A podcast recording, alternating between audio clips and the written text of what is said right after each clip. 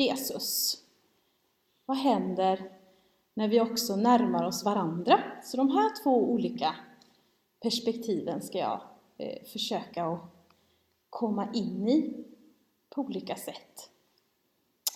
Eh, jag tänker att först så är vägarna till Jesus är ju många.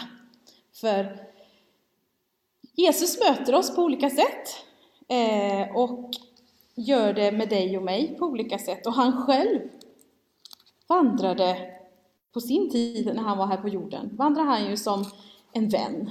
Eh, eller eh, han blev berörd. Han gick bland folket och så blev han berörd. Och han, tog och han delade med sig av sin kraft och sin vishet och allt det han hade. Han var liksom vägen, sanningen och livet. Eh, och då är frågan, hur är det med dig och mig? Hur, vad händer i mötet med, med Jesus? Eh, det står ju Guds ord, om ni går till Uppenbarelseboken 3 och 20, så är det en, en riktigt bra vers där som jag älskar. Eh, som, som gäller oss alla som vandrar här på jorden. Frälst eller ofrälst, så gäller den alla. Och där står det Se, har ni hittat? Se, jag står vid dörren och bultar. Om någon hör min röst och öppnar dörren ska jag gå in till honom och äta med honom och han med mig. Och det är ju den här frälsningen, att ta emot Jesus, att, väl, att komma nära honom, är ju en väg att gå. Och det blir väldigt olika för alla. Eh, och jag tänkte faktiskt lyfta fram tre stycken ifrån Guds ord, där till exempel rövaren, han vid korset, eh, men han mötte Jesus. Han satt där, eller han satt, han var upphängd på korset var han ju tillsammans med Jesus. Eh, och eh, då var det ett litet samtal som pågick där mellan de två rövarna som var bredvid Jesus. Och, och de uttryckte, hånade kanske honom lite av att varför kan inte du gå ner? Eh, det var mycket, mycket samtal kring överallt Jesus egentligen som pågick. Där både hån men också en, ett hopp eh, men så kommer den här rövaren och tittar på Jesus och verkligen försvarar honom på något sätt. Han hade liksom fått upptäcka något, en uppenbarelse tror jag hade nått hans hjärta. Och där, där han säger, nej men sluta nu. Sluta och håna honom, ser ni inte att det, är, det här är Guds son? Det här är liksom Jesus, Herren. Och då säger rövaren till honom, till Jesus själv, säger han, kan, tänk på mig när du kommer till himmelriket.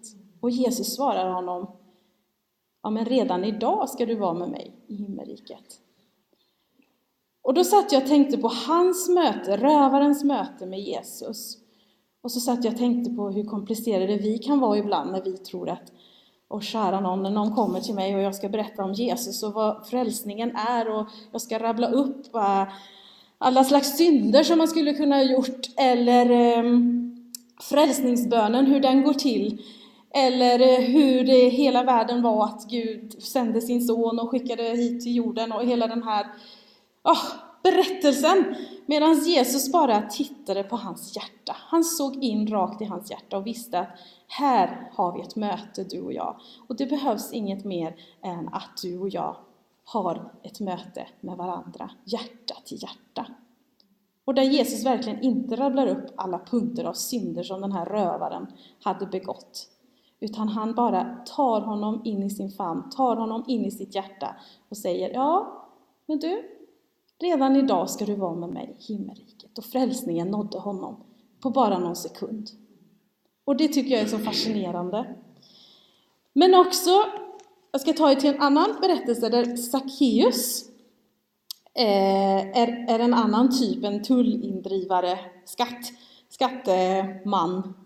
Eh, och där var det också att Jesus, han, han vandrade på jorden. Han vandrade liksom som en, som en vän många gånger.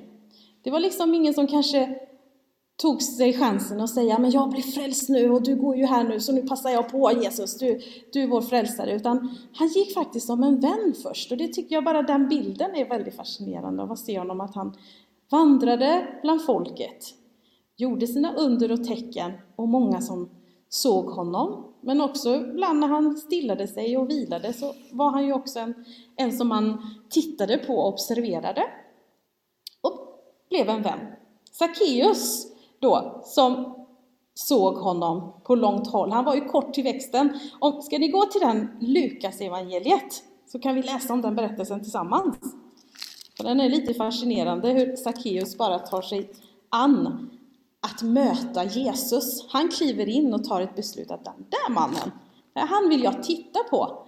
Han vill jag se vad han gör. Det var inte så att han, han bestämde sig för att jag ropar på honom eh, och se om han hör mig. Utan han hade bara bestämt sig i sitt hjärta att honom vill jag se. Och det där igen, Jesus bara ser hjärtan. Han hör hjärtan, han känner hjärtan. Han känner ditt och mitt hjärta och han kände Sackeus eh, hjärta. Så i Lukas 19, 1 så säger ju då Bibeln så här. Han kom in i Jeriko och gick igenom staden. Där fanns en man som hette Sackeus och han hade, han hade hand om tullen och han var rik. Han ville gärna se vem denne Jesus var, men kunde inte för folkmassan, för han var liten till växten. Han sprang i förväg och klättrade upp, eh, klättrade upp i en eh, psykomor, står den här översättningen, men en träd, säger vi, för att kunna se honom, eftersom han skulle gå förbi där. När Jesus kom dit såg han upp mot honom och sade, så här är det fascinerande, men just att Jesus faktiskt ser honom. Mitt i all den här folkmassan. Det är liksom, han, han går inte förbi honom. Han bara ser, känner, han vet allt, han har koll. Så tittar Jesus på honom och så säger han, skynda dig ner Sackeus. Sackeus, idag ska jag gästa ditt hem. Och bara säga gästa, tänker jag också visa på att men jag vill först kom, ja, jag är din vän. Jag vill komma som din vän och besöka ditt hem. Och Sackeus skyndade sig ner och tog emot honom med glädje. Och alla som såg det mumlade förargat, för här hände det något. Va, ska Jesus gå till en rik man och besöka honom, en syndare? Mångas ögon kanske han var det. Men Jesus såg något annat så som han gör med dig och mig också idag. Och då fick han i det mötet, när han var i huset, så fick han också en uppenbarelse av att Jesu närvaro bara var där. Alltså han kunde inget annat än att bli uppenbarad i sitt hjärta vad han skulle göra. Så när man läser i vers 8 där, men Sackeus ställde sig upp och sade till Herren, Hälften av vad jag äger, Herre, ska jag ge åt de fattiga. Och har jag pressat ut pengar av någon ska jag betala igen det fyrdubbelt. Och då sa Jesus, idag har räddningen nått detta hus. Och det är också ett sätt att bara, men wow, Gud, han, Jesus ser varje hjärta. Och att bara få landa i att Jesus visar sig på vägen på olika sätt och möter sitt folk på väldigt många olika sätt. Petrus var en annan som Jesus hade en relation till. Han var ju lärjungen till, till, till Jesus och vandrade en ganska lång tid med honom. Eh, och så hände det något på vägen innan han skulle korsfästas, Jesus. Eh, så förnekar Petrus Jesus och den vänskap som de hade. Och så tänker jag att det kan vara med dig och, och mig också ibland på vår vandring.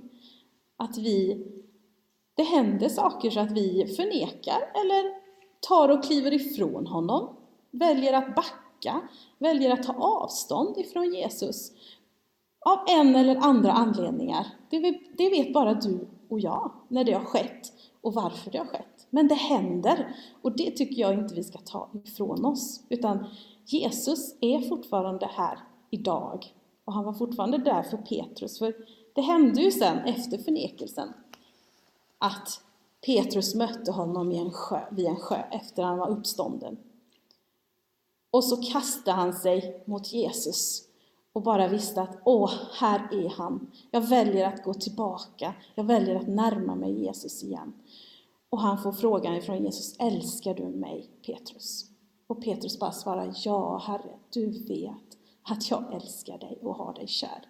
Och fick han den frågan tre gånger. Och det är också ett sätt att se, ja men Jesus möter oss, möter dig och möter mig på väldigt olika sätt. Hur blev du vän med Jesus? Eller hur var ditt möte med Jesus? Det här kanske väcker tankar i dig och mig, tänker jag på hur det hela gick till när du och jag möttes, mötte Jesus. Eller hur närmade du dig honom? Eller hur gick det till egentligen? Jag tror det är bra ibland att stanna upp i våra liv och tänka över de tillfällena som jag närmar mig Jesus. Och jag skulle också vilja att vi som församling, du och jag, öppnar upp oss för alla de här berättelser som finns här ute och där ute. För alla möter Jesus på så väldigt många olika sätt. Och där du och jag kan bara stanna upp, sätta oss ner och lyssna på varandras berättelser. Där Jesus Kristus möter hans folk. Ehm, och jag tänkte att vi, just det här med att stanna upp, när den faktiskt den heliga Ande får beröra oss i att hur det än ser ut och hur Petrus, det, det kan vara i starten av att det är fantastisk tid, men det kan också vara en tid där det som hände Petrus, att vi förnekar eller att det har hänt något, så kan vi oavsett välja att stanna upp och låta Herren tala in i vårt hjärta. Och är det att det är stressigt runt omkring oss, ja men stanna upp och låt Herren verka och påminna dig. Eller vad det nu kan vara. Och jag tänker att en sång skulle kunna bara få landa i oss i Guds närvaro. Där vi får eh, låta hans närvaro helt enkelt få tala in i våra liv. Tack Herre. Tack Jesus för att i din närvaro så förvandlas vi och i din närvaro så, så händer just det. Vi får se dig tydligare, vi får uppenbarelse om vem du är i ljuset av allt. Tackar dig Fader för din närvaro. Och det mötet som vi var med om en gång, att det är just det som var närvaron. Att vi får leva i den och vara i den och påminnas om att du en gång knackade och vi öppnade dörren. Och har du inte öppnat den dörren så, så står den knackningen och inbjudan kvar.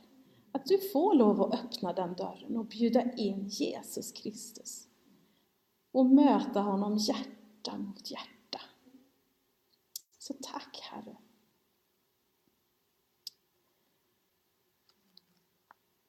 Där kan man stanna länge, eller hur? I Guds närvaro, i hans närvaro. Men där kommer också utmaningen vidare. Att Jesus vill ju inte bara att vi är där, att vi stannar där. Utan vi har ett liv att leva. Och Jesus vill att vi lever den tillsammans med varandra och där vi är. Eh, Janne var ju inne på i, i slutet av året att det här får vara ett år där vi får komma nära Jesus. Eh, och Håkan och Anders och Gun har liksom drivit det här också framåt i vår relation till Jesus. Men också till varandra, där vi har pratat om gemenskap i vandring i ljuset, eller en församling som lever hälsosamt utifrån försoning och upprättelse och goda relationer. Och Guns tre heliga vanor. Har du inte, har du inte lyssnat på de här, så ta och gå in på hemsidan hörni, för det är så bra att ta, ta sig igenom och komma närmare varandra, men också nära Gud.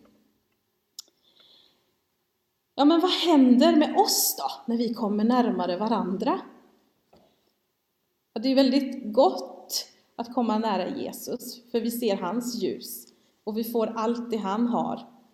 Men vi kan också ta med oss det vidare in i mötet med andra. Att det stannar inte upp bara för att du har en stund av närvaro, utan du kan få, få ta med det vidare.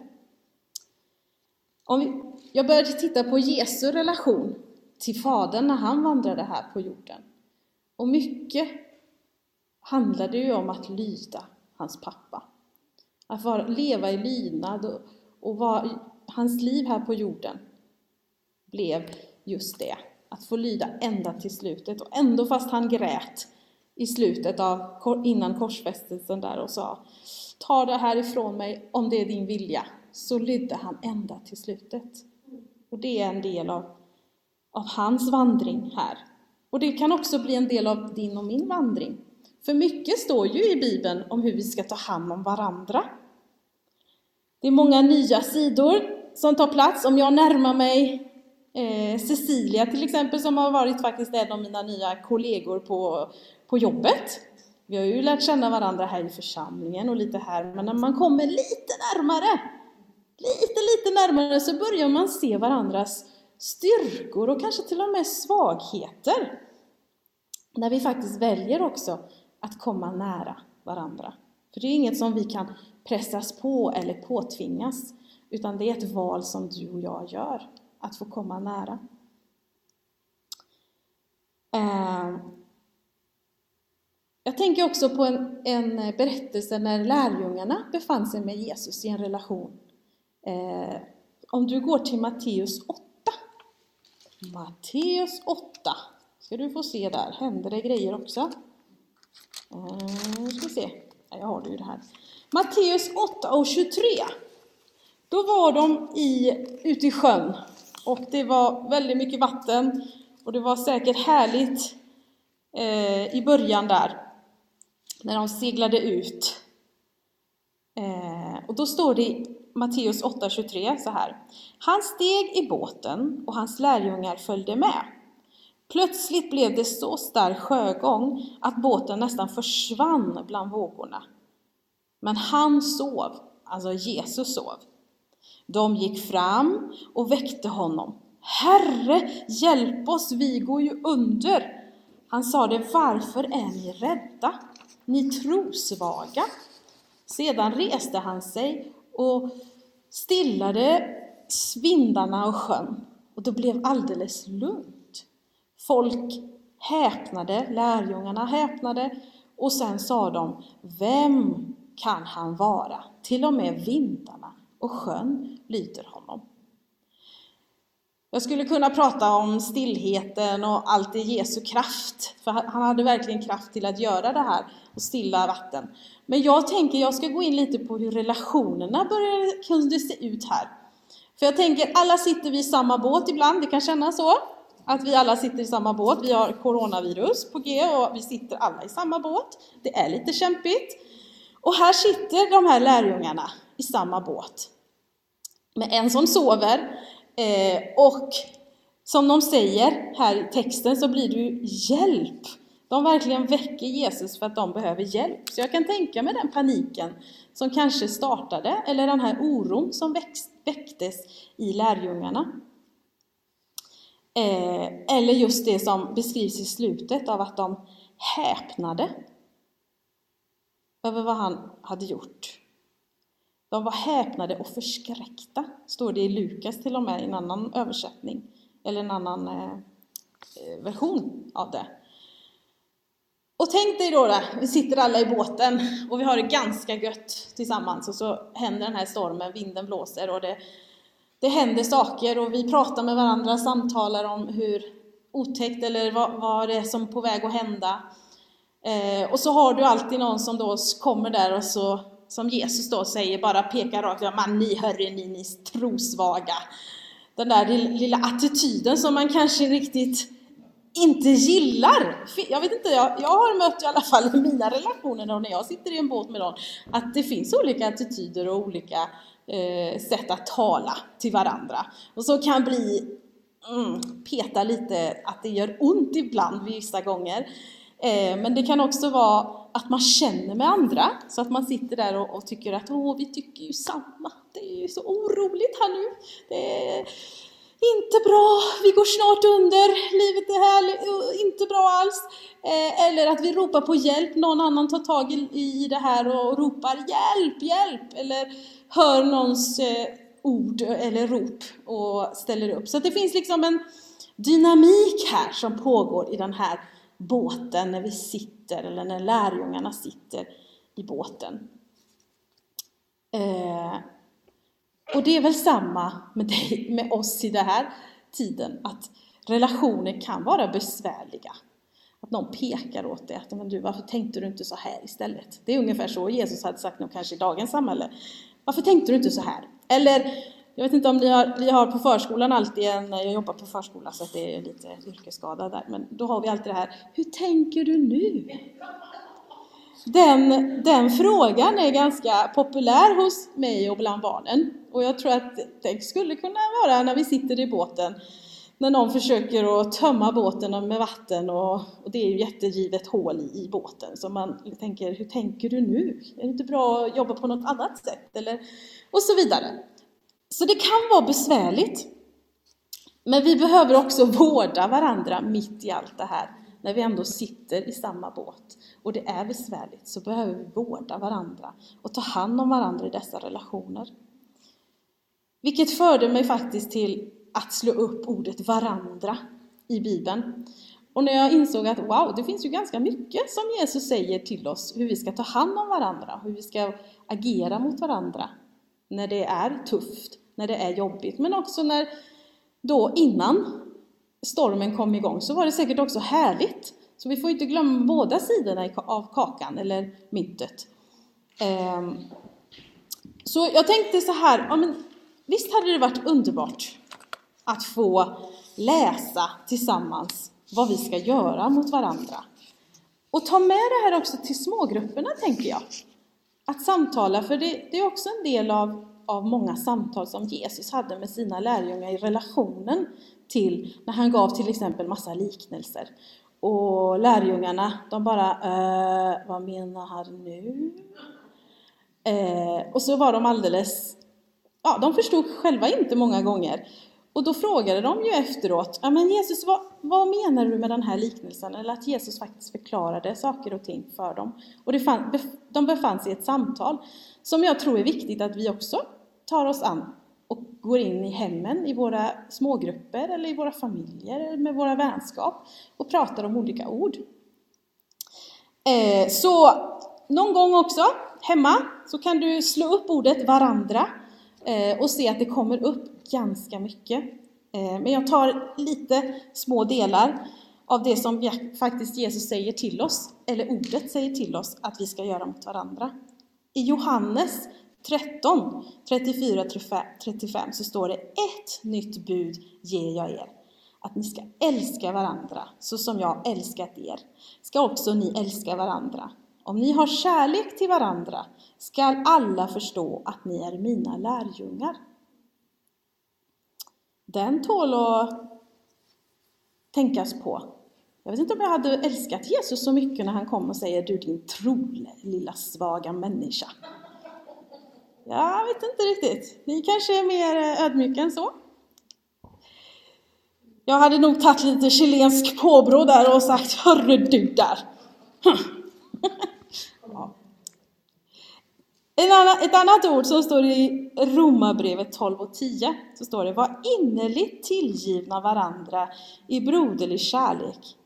Överträffa varandra i ömsesidig hedersbevisning. Det är väldigt mycket kärlek här.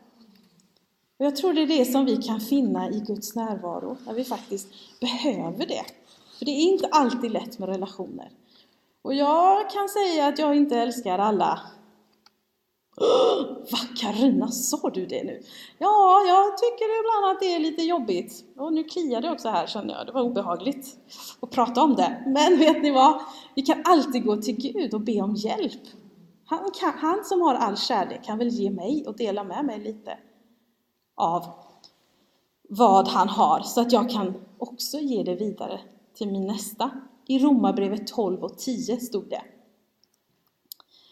Ehm, om vi läser i första Korintierbrevet där också så står det i kapitel 11 och vers 33. Därför mina bröder, när ni samlas för att äta, så vänta på varandra. Det är en familjeärende, skulle jag vilja säga. Jag vet inte om ni har barn som bara jättehungrig.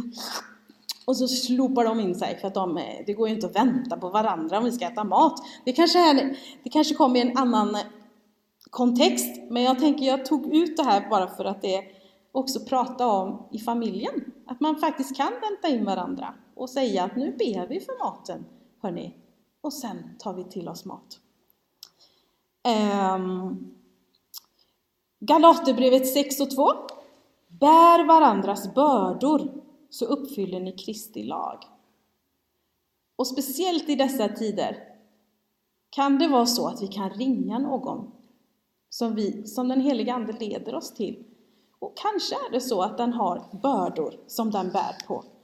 Och vi kan be tillsammans och låta Herren få ta över de bördorna.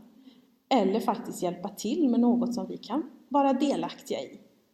Det finns mycket vi kan göra för varandra, men vi behöver nog prata om det och vad det är som står i Guds ord. Um, vi kan ta en annan, det finns väldigt många, men som sagt, jag tar inte allihopa. Um, vi skulle kunna ta den här. I första Thessalonikerbrevet 5 och 11 så står det Uppmuntra därför varandra och uppbygg varandra så som ni redan gör. Och sista som, exempel som jag tar, det är Kolosserbrevet 3 och 13. Ha föredrag med varandra och förlåt varandra om någon har något att förebrå en annan. Så som Herren har förlåtit er ska ni förlåta varandra. Mina barn vet att om man ska lära känna mamma riktigt ordentligt, ibland så uppmuntrar de folk att faktiskt ta en biltur till Göteborg med mig av någon anledning. Och då ska jag säga sanningen bakom den, de orden. När, om du hör mina barn säga till dig, ja men du, fråga mamma om hon kan åka till Göteborg med dig. Så är det oftast för att det är ingen bra bilresa. Det är så här att när Karina åker till Göteborg och det är nya vägar och det är kaos i trafiken så höjer jag rösten och jag skriker lite och jag säger tyst allihopa, jag måste koncentrera mig. Eller så kan jag säga snälla någon, kan någon ta in eh, upp en riktig Google Map för att min eh, navigation här framme funkar inte och snälla ni gör något, jag är på fel väg, vart är jag på väg? Och mitt i allt det här så kan jag också ropa på Jesus med, med, med jämna mellanrum och säga Jesus, jag vill inte det här. Åh Gud, vilken väg ska jag ta? Oh, nej, Jesus, jag vill inte det här. Och så har jag en jättefight och alla mina barn vet att då ska det vara, då är de knäpptysta. Det är ingen idé att prata med sin mamma. Eh, men det uppstår en väldig obehag i mitt hjärta såklart efter att det är över, att jag har kommit fram och att vägen har varit besvärlig på, på, på vägen. Och då brukar jag ödmjuka mig och säga Hur mår ni där bak i bilen? Och då säger den minste så ödmjukt vi, vi känner oss trygga. Och jag bara, ja det gör det nog inte. Och så har vi pratat om just vad, vad, vad som händer i mammas lilla hjärta och, och, och, hjärna. Att det är inte så lätt. Och att förstå varandra, vad som pågår. Jag känner mig stressad över att jag inte hittar fram och att de har plötsligt lagt en ny väg. Men jag också ber om förlåtelse såklart till mina barn för att jag faktiskt har skrikit och det inte var rätt åt dem att vägen gjordes om. Eh, och tar oftast och säger hela vägen hem sen, förlåt mina barn, förlåt, förlåt, förlåt. Och alla blir så trötta på mig och säger, men mamma du har redan sagt förlåt hundra gånger, nu räcker det. Och en reflektion som också blir bland mina barn är ju det här att ja, men mamma du gör på det här sättet, du skyller alltid på dig själv. Och att det är ditt fel att det blev så här tokigt. Medan pappa, han skyller på vägskyltarna och trafiken och vägarbetarna som är där ute och något helt annat perspektiv än vad jag har.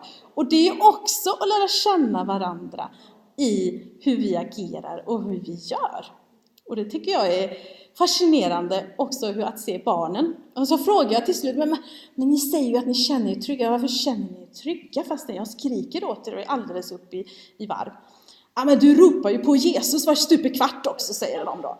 Ja vad bra, ja men då har jag gjort någonting rätt i alla fall. Så, så kan det vara ibland, att när man kommer riktigt nära varandra och kanske en bilresa. Eller har du någon annan område där du faktiskt fightas med?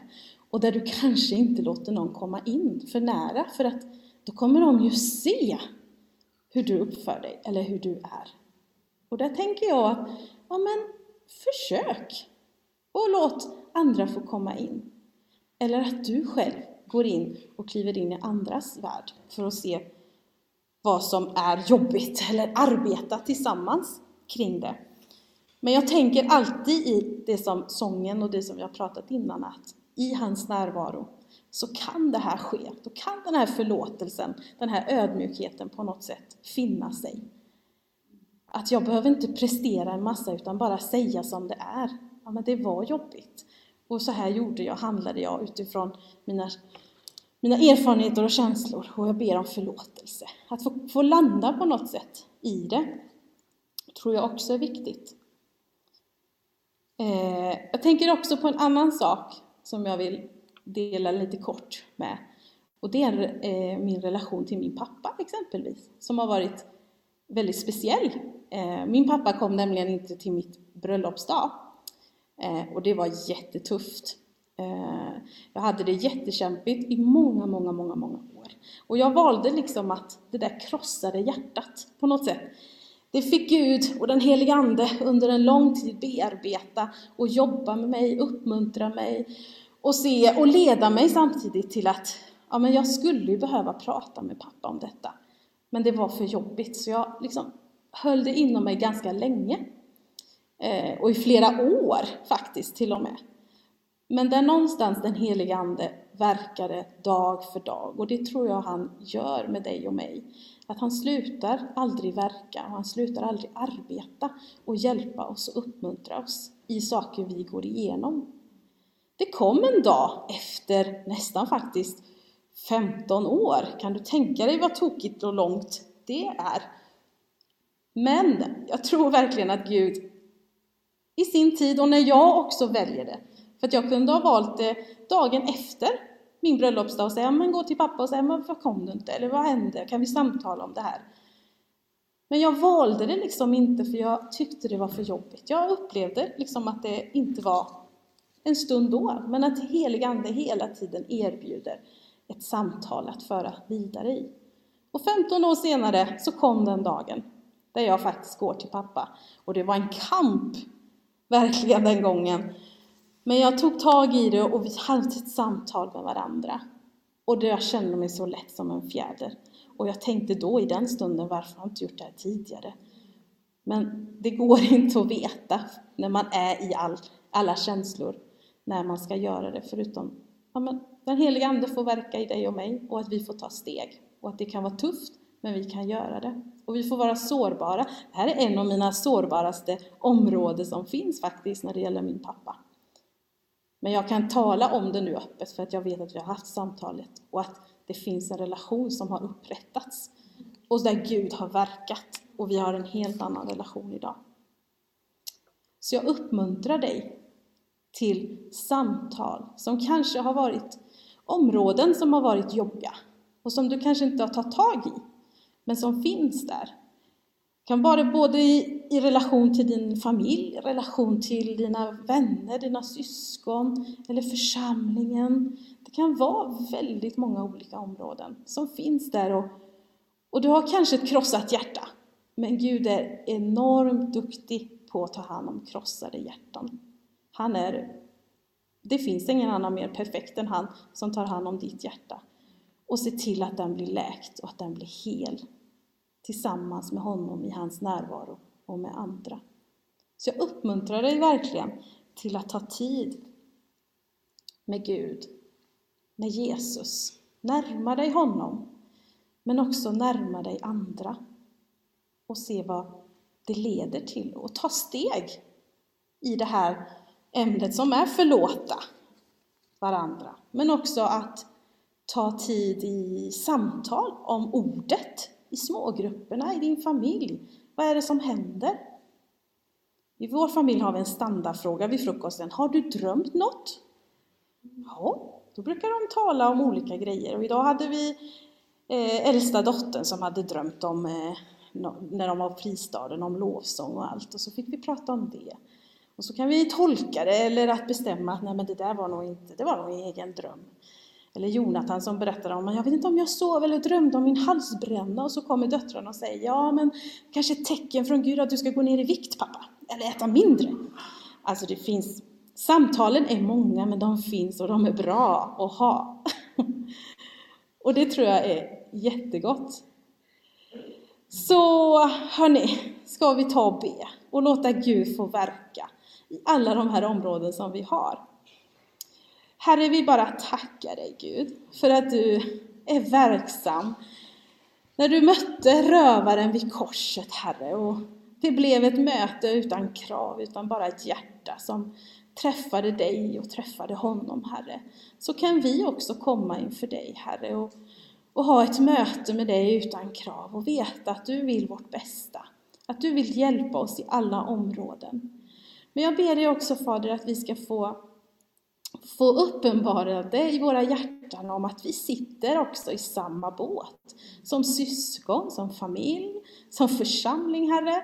Hur det än kan se ut, Herre, så kan vi i denna båt komma för nära varandra eller vad vi nu väljer att avstå eller att ta itu med saker eller ropa eller känna oss hur vi än känner oss, Herre, så kan vi i den båten, Herre, ta tag i saker, Herre. Jag ber att din heliga Ande ska få hjälpa oss, Herre, att få ta upp de här områdena ifrån våra hjärtan, eller lyfta fram det krossade hjärtan inför din tron, Herre, och be om hjälp, Herre, så att vi kan få tala ut, samtala med en med en syskon, broder eller syster eller en familjemedlem, en nära vän, vad det än kan vara. Och vi kan få bolla och vi kan få bearbeta saker som vi har varit med om.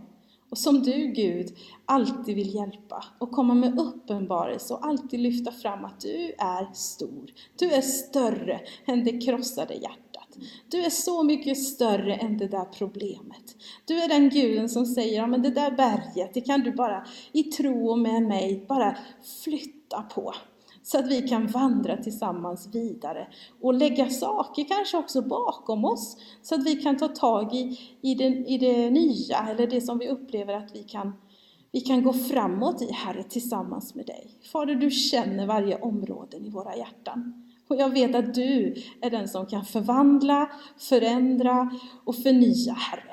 Tackar dig Fader för dina ord som får läggas i våra hjärtan och får växa till det bättre och där vi får skörda i en framtid och berätta för, så som jag fick berätta om efter 15 år, men det behöver inte kanske vara så lång tid, men att vi får berätta för våra syskon, våra barn och barnbarn hur Gud har verkat i våra liv och där han har bara fått skörda till godhet. Tackar dig Fader, tackar dig Jesus. Nu bara jag ber dig Herre, uppenbara för oss Herre, vad, vilka områden vi kanske ska ta under det här året och, och arbeta med Herre. Jag ber om din uppenbarelse i varje hjärta Herre. Och bara låt det få flyta upp på ytan Herre. Och låt oss, Herre, i den stunden också få ta din hand och närma oss det området tillsammans med dig, Jesus, och göra upp med det, Herre. Där vi behöver kanske förlåta eller be om förlåtelse, Herre. Där vi kanske behöver uppmuntra och blicka framåt, Herre. Du, bara du vet vad det är för områden, Herre. Och tack för ditt hopp, Herre i alla de här områden. Tack för din kärlek i alla de här områden, Herre. Och tack för att du lägger ner tro om att det är möjligt. I Jesu namn.